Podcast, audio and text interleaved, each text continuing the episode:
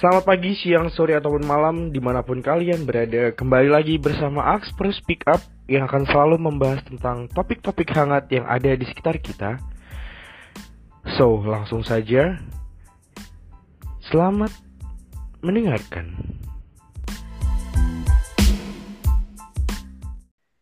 Selamat malam semuanya. Kali ini aku gak sendiri nih. Ini aku lagi temenin sama staff Departemen Axpro dari BEM FK UGM. Sebelumnya perkenalkan namaku Crespo dari BEM FK UGM angkatan 20. Mungkin teman-teman yang lain bisa perkenalkan diri juga. Mungkin dari Tio. Oke. Halo semuanya, kenalin nama aku Tio. Di sini aku dari Departemen Aksi dan Propaganda BEM FK UGM. Uh, aku dari angkatan 2019. Monggo teman-teman yang lain.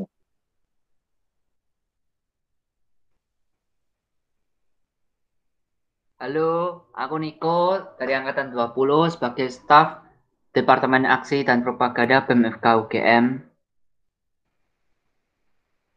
Halo, aku Bukhari dari Departemen Aspro 2020 BMFK UGM selaku staf. Oke, halo, aku Octavia Salsabila Kurniawan dari BMFK UGM, Departemen Aksi dan Propaganda Angkatan 2020. Kasih. Ya, kali ini kita akan bahas topik yang lagi hangat nih. Topik kali ini adalah kebebasan berpendapat yang sangat dibatasi oleh UU ITE. Sebenarnya sih UU ITE ini memiliki tujuan yang baik. Salah satu tujuannya itu kayak mengatur kondisivitas dalam bermedia sosial. Akan tapi dengan adanya beberapa pasal karet, kebebasan bertabat malah semakin terbatas dan sering juga disalahgunakan oleh oknum-oknum untuk memidanakan orang. Ya, bagaimana nih pendapat kalian tentang praktik kebebasan berpendapat di Indonesia? Mulai dari Tio nih mungkin. Uh, Oke, okay. sebenarnya kalau tadi disampaikan sama moderator ya tentang latar belakangnya UU ITE segala macam. Nah, kalau kita ngomongin praktik kebebasan berpendapat sendiri, uh, sebenarnya sudah banyak wadah-wadah tempat atau yang menampung untuk uh, masyarakat itu bisa mengutarakan pendapatnya masing-masing. Cuman uh, dalam praktiknya itu tuh masih banyak yang perlu dibenahi. Mulai dari mungkin peraturannya ya di sini kan peraturan sebagai dasar ya. Nah mungkin dari UIT ini uh, ada beberapa yang menurutku masih rancu atau uh, belum jelas gitu loh. Masih bukan belum jelas tapi belum uh, apa namanya multitafsir. Jadi uh, kadang orang tuh jadi takut untuk mengungkapkan pendapatnya karena ya kita tahu sendiri banyak beberapa kasus yang orang mengkritik orang meng apa namanya mengutarakan pendapatnya atau mengekspresikan opininya itu malah disalahartikan. Jadi kalau misalnya ngomongin praktik kebebasannya ya masih banyak yang perlu dibenahi di Indonesia ini. Terutama di bagian dasar-dasarnya ini dari undang-undang atau UITE ini ataupun undang-undang yang lainnya lah. Mungkin dari teman-teman yang lain kalau pendapatku seperti itu. Aku setuju sama Tio ya. Uh, beberapa pasal yang terdapat di pas apa UU ITE itu menimbulkan melihat kalau melihat realita keadaan sekarang menimbulkan pro kontra. Alasannya ya karena beberapa pasal tersebut itu dalam undang-undang dianggap membatasi kebebasan masyarakat dalam berekspresi, berpendapat di ruang maya. Yang sering kali kalau melihat keadaan sekarang masyarakat sering uh, berpikir dua kali ya istilahnya kalau mengungkapin pendapat di ru, apa ruang maya atau dunia digital. Kan seperti contoh kayak sekarang kan banyak tuh meme meme, meme kalau misal masyarakat mengkritik pemerintah kemudian reply-nya pada awas kijang satu kijang dua tukang bakso di depan tukang mie ayam kayak gitu. Nah itu sebenarnya kayak sarkas di UU ITE ini kalau menurutku.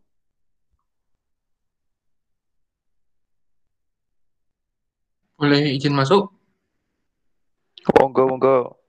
Nah, kalau aku sendiri sih kalau menurutku ya kembali lagi. Menurutku pasal-pasal karet itu tidak jelas tidak jelas dalam arah tidak diberi sebuah arahan-arahan mana yang boleh mana yang tidak. Tuh jadi kayak batas itu sangat tipis antara antara antara antara ujaran kebencian sama sama kritik. Itu bisa dipermainkan sama aparat negara apa aparat atur penegak keadilan. Jadi maksudnya itu nggak jadi nggak jadi bisa dipakai gitu loh si penuh kerancuan ya kembali lagi makanya disebut pasal karet itu kalau aku Mungkin aku mau nambahin lagi ya, izin masuk lagi. Eh, aku setuju banget nih dari kata-katanya Kori. Yang tadi aku maksud multitafsir tuh jadi kayak masih belum ada kejelasan nih antara ujaran kebencian sama eh, ucapan kritik. Terutama waktu itu Pak Jokowi eh, pernah mengungkapkan statement bahwa kritiklah pemerintah sebedas mungkin, tapi ketika kita mengkritik itu dianggap ujaran kebencian. Jadi kayak di UU ITE ini masih ada pasal-pasal yang eh apa ya namanya disalah tafsirkan atau multitafsir. Ya makanya itu tadi. Kalau menurutku ya harus dirubah. Ada yang perlu dibenahi. Mungkin siapa tadi ya yang belum ber- berdapat? Oktet, oktet. Oke, aku izin masuk buat berpendapat ya teman-teman. Kalau menurut aku dari apa namanya kebebasan berpendapat di Indonesia sendiri kan udah diatur tuh di Undang-Undang Dasar 45 pasal 28 ayat 3 yang buat eh, setiap negara itu kan berhak berkumpul berserikat sama mengeluarkan pendapat. Nah mungkin ya itu udah diatur sih dalam Undang-Undang Dasar cuma kembali, kembali lagi tadi ya ke bahasan kita awal kan yang UU ITE sendiri itu kan multitafsir dan menurutku ya benar-benar harus dijelasin gitu loh biar uh, kita tahu perbedaannya antara ajaran sendiri, provokasi sendiri dan ujian kebencian sendiri itu gimana. Tapi kan berpendapat itu gimana ya kan? Semuanya ada dua orang. Pendapat itu kan pasti beda. Pasti bertentangan lah sama pendapat orang lain. Nah, terus itu gimana? Aku mau nanggepin boleh nggak nih? Gas. Nah, nek aku sendiri ya sebenarnya nek kita ngomongin masalah berpendapat ya, itu tuh namanya isi otak orang nggak bisa disamain. Orang kembar pun dua orang itu pun belum tentu punya pendapat yang sama. Jadi eh pasti susah, bakal susah buat apa ya istilahnya menyamakan pikiran tuh susah. Cuman gimana kita nanti kalau misalnya ngomongin pendapat tuh saling menghargai satu sama lain pendapat orang. Kayak ya kita bisa sering lah dulu dari SD kita diajarin menerima lapang dada kalau misalnya pendapat kita nggak di nggak diterima kayak gitu aja sebenarnya Eh, aku izin masuk juga ya. Aku setuju sih sama Tio kan karena apa ya eh, kebebasan kita tuh juga dibatasi dengan kebebasan orang lain gitu loh. Jadi nggak mungkin ada yang pendapat orang tuh sama dan pasti beda-beda gitu sih. nah Anggapan betul yang tuh. lain dong. Nah gitu pokoknya. Tapi kan sepertinya negara kita itu belum siap lah untuk gimana ya? Untuk perbedaan itu sebenarnya belum siap. Walaupun kayak negara kita itu bineka tunggal ika, tapi kayaknya belum siap lah. Gimana nih? sebenarnya siap nggak siap tuh perspektif ya nih nih kenapa aku mulu yang ngomong yang lain lah ayolah saya mikir kalau siap nggak siap tuh sebenarnya perspektif sih cuman namanya apa ya kayak eh apa ya menurutku udah sudah wajarnya aja kita seharusnya udah paham lah tentang namanya eh pola pikir orang yang berbeda-beda, cara pandang orang yang berbeda-beda itu harusnya udah dipahami lah. Apalagi kita udah eh bisa dibilang udah memasuki usia-usia yang dewasa ya. Kita yang kita yang umur segini aja mungkin bisa, masa yang di atas kita nggak bisa. Contohnya seperti itu. Mungkin hati-hati ya teman-teman di depan kalian ada tukang bakso, tukang siomay. izin masuk izin masuk izin masuk Nino, Nino, Nino. izin masuk Santai. Oke. Monggo. Nah itu kalau kalau menurut di sini pentingnya undang-undang ITE. Jadi kita kan bisa kalau misalkan pendapatnya si A itu salah menurut undang-undang ITE, ya berarti dia salah. Maksudnya gimana ya? Jadi perlu adanya sebuah sebuah aturan-aturan untuk berpendapat itu sih. Mana yang sebuah pendapat yang yang ujaran kebencian, mana yang sebuah kritik itu diatur situ jadi nggak menimbulkan kebingungan itu sih kalau aku Oh ya, dari tadi kan udah bahas UU ITE nih. Kan kalian pastinya juga juga denger lah. Hari-hari ini tuh mau revisi UU ITE. Sebenarnya revisi UU ITE udah kayak digaungkan itu udah bertahun-tahun. Tapi kan juga belum ada realisasinya. Harapan kalian tuh gimana sih? Bentar, Buat ke depannya. sebelum ngomongin, aku mau ngomong dulu tentang, sini belum kita ngomongin revisi ya.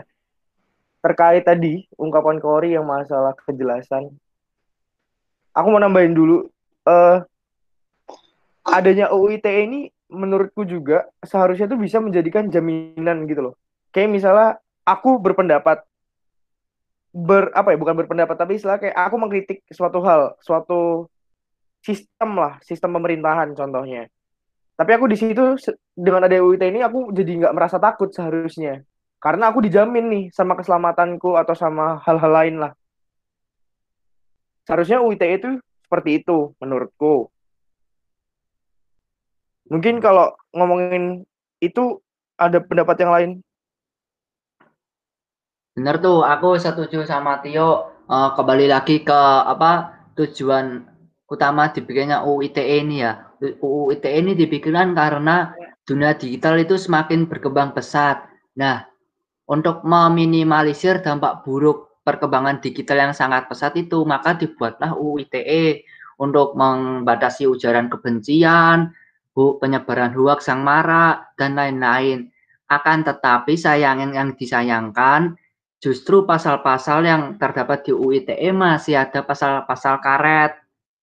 Itulah yang yang menyebabkan sekarang ini marak masyarakat menuntut untuk merevisi UU ITE bahkan menghapus beberapa pasal yang multitafsir dan double double undang-undang tersebut.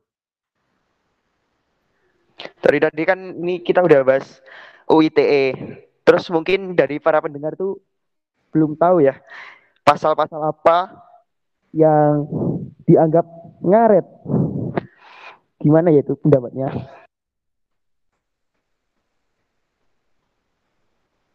Mungkin dari teman-teman bisa menyampaikan.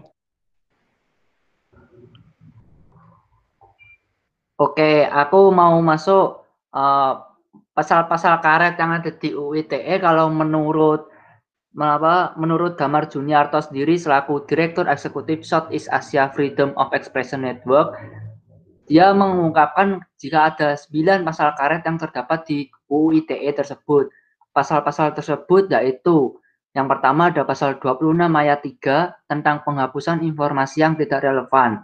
Pasal ini bermasalah soal sensor informasi. Yang kedua, pasal 27 ayat 1 tentang asusila. Pasal ini bermasalah karena dapat digunakan untuk menghukum korban kekerasan berbasis gender online. Ketiga, pasal 27 ayat 3 tentang deformasi. Dianggap bisa digunakan untuk represi warga yang mengkritik pemerintah, polisi, atau lembaga negara. Nah, pasal 27 ayat 3 ini yang sekarang ini uh, sering terdapat kasus dan for your information saja pasal 27 ayat 3 ini sudah menjerat 34 korban sekarang sampai sekarang. Terus Oke. keempat ada pasal 28 ayat 2 tentang ujaran kebencian. Pasal ini dapat merepresi agama minoritas serta represi warga terkait kritik pada pihak polisi dan pemerintah. Kelima, pasal 29 tentang ancaman kekerasan. Pasal ini bermasalah lantaran dapat dipakai untuk memidana orang yang ingin lapor ke polisi. Keenam, pasal 36 tentang kerugian. Pasal ini dapat digunakan untuk memperberat hukuman pidana deformasi. Ketujuh, pasal 40 ayat 2A tentang muatan yang dilarang. Pasal ini bermasalah karena dapat digunakan sebagai alasan internet shutdown untuk mencegah penyebar luasan dan penggunaan hoax. Pasal 40 ayat 2B tentang pemutusan akses. Pasal ini bermasalah karena dapat menjadi penegasan peran pemerintah lebih diutamakan dari putusan pengadilan. Yang sembilan, pasal 45 ayat 3 tentang ancaman penjara dari tindakan deformasi. Pasal ini bermasalah karena dapat menahan tertuduh saat proses penyidikan. Wah, Eh, gila banyak buat- banget ya. Wah iya, Ya gila sih, sampai 9 ya. Nah, aku boleh Waduh. masuk Monggo, monggo. Speaking of eh, pasal 27 ayat 3 itu kan tadi tentang rep- apa, represi ya. tuh tadi nah di Oh. nanti memakan banyak korban ini berapa kok jumlah aku korbannya 34. Pasal iya Ah. 34 sendiri. 34 nah sebenarnya pasal itu yang membuat aku jadi ragu-ragu kenapa dalam forum seperti ini takutnya misalkan tahu-tahu dalam forum seperti ini direkam dan tahu-tahu nggak tahu-tahu nanti sampai ke mana sampai ke mana ini kalau tahu-tahu besok pagi ada orang ke rumah kan agak serem ya Seharusnya kan kita dijamin ya, kan sebagai negara demokrasi, kebebasan berpendapat kita itu mendapat jaminan nih oleh negara. Harusnya santai aja, Iya. Kor. tapi itu dia yuk di mana pasal itu Harusnya tahu. kan gitu sih prinsip negara demokrasi gitu. Tapi realitas sekarang gimana yo? Oh iya. Eh, aku izin ya, teman-teman. Eh, Iya, gimana, gimana? silakan. mana pet Nah, tadi kan dengar-dengar nih dari infonya dari Niko juga dari teman-teman di sini. Nah, yang sembilan pasar bermasalah itu dengar-dengar nggak masuk prolegnas prioritas ya. Itu gimana sih? Waduh, berarti berarti artinya menurut pemerintah tuh nggak perlu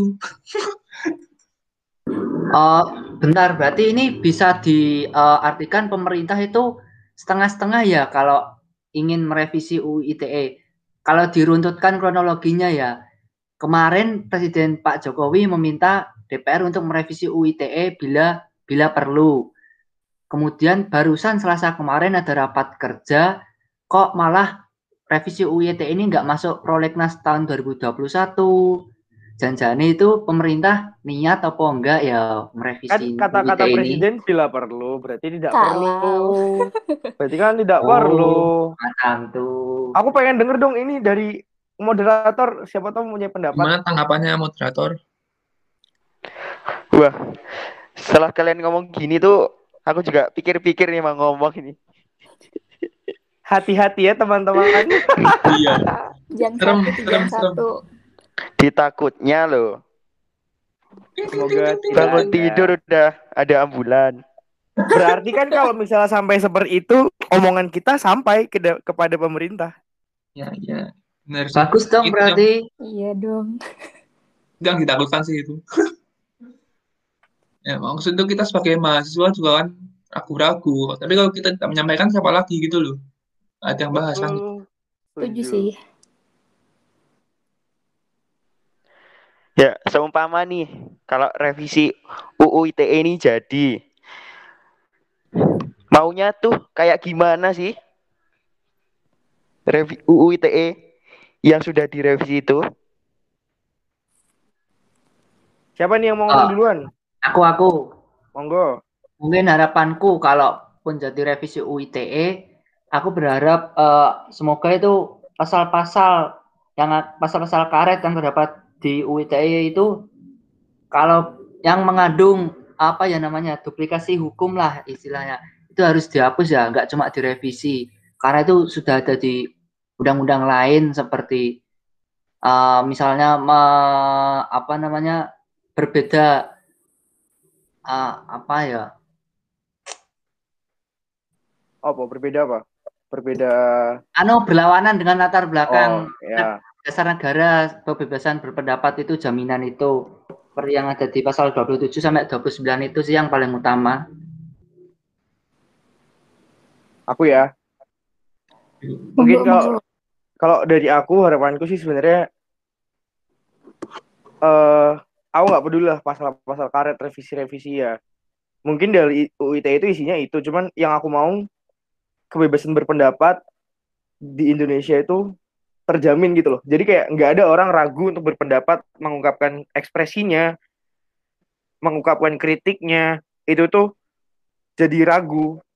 Mungkin UU ITE itu juga apa ya menjadi salah satu dasar yang perlu dirubah.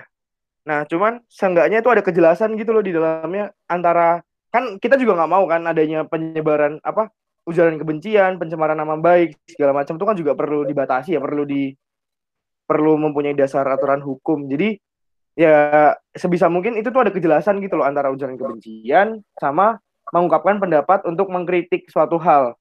Jadi ya itu begitu kalau dari aku. Oke, masuk kalau aku sih setuju banget sih sama Tio Karena kan ya apalagi kan kita perlu yang namanya apa namanya pelindungan hukum ya dalam masalah seperti ini. Dan yang jelas itu yang penting ada dalam undang-undang revisi itu ada pasal karena maksud isinya itu bisa benar-benar batasan-batasan yang jelas antara yang boleh dan tidak. Jadi kita semua yakin dan aman begitu kalau dari aku.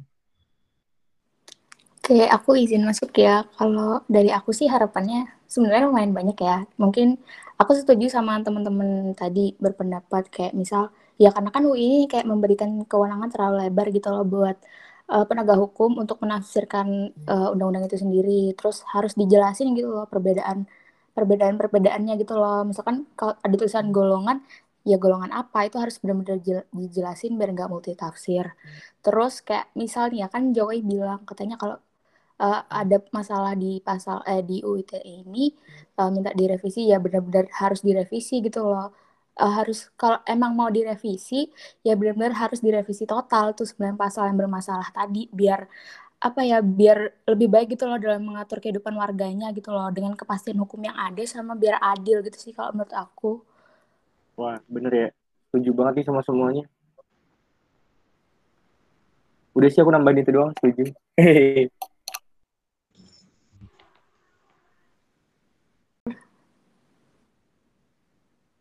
ya sebenarnya apa ya? Aku pengen ini sih sebenarnya. Pengen mengungkapkan pendapat ya di sini ya. Di luar dari yang kita omongin tadi yang di luar diskusi di sini tadi UU ITE itu uh, banyak menjadi batu sandungan gak sih? Dijadikan apa ya? Kita aku aku tuh nih jujur nih ini cerita pengalamanku pribadi. Itu tuh aku pernah dapat email dari orang random gitu tiba-tiba dapat email dari seorang perempuan yang mengaku suaminya dipidana atau dipenjara karena mengkritiki suatu hal. Jadi kayak di situ kayak, oh, wow. Ini mungkin aku nggak pernah lihat berita itu di di apa namanya laman berita atau apa pun lah di internet segala macam. Aku belum pernah baca. Dan aku dapat email itu kan berarti yang diberita aja udah banyak gitu loh. Gimana yang nggak diberitain? Aku setuju banget sih. Mungkin kalau Kak Tio belum lihat, sebenarnya tuh banyak, apalagi Kak tuh. Tio anjing. sebenarnya tuh banyak. Maksudnya di berita-berita itu ada. Dan itu tuh aku lihat ya, kok di berita itu dia ada yang tahun 2019 lah, ada yang tahun 2020 gitu loh, udah dari tahun-tahun lalu. Makanya di situ tuh aku dapat jadi uh, apa seorang perempuan ini minta tolong aku buat mengisi petisi untuk uh, istilahnya memberikan suaranya lah. Kalau misalnya dia itu benar, dia menjelaskan nih kronologinya bla bla bla bla bla. Dia mengkritik suatu hal, terus ternyata ungkapan kritiknya itu dianggap ujaran menyebarkan ujaran kebencian. Nah kan ujaran kebencian di UITE jelas kenapa asal kan, jadi kayak ya. wah ini multi tafsir banget nih UITE. Gila sih, wow. banget. Aku mau itu berpendapat ya. Mungkin yang dimaksud saudara Tio, yang ditakutkan saudara Tio itu anu ya, banyak banyak hal-hal yang tidak terekspos ya yuk ya iya betul. Di banyak ditutup-tutupi lah istilahnya berita-berita seperti itu. Betul. Itu sih emang agak serem itu. Serem banget. Nanti mungkin kita kalau misalnya hilang tiba-tiba nggak muncul di berita bisa jadi, jadi. jadi. kita siapa emang? Iya.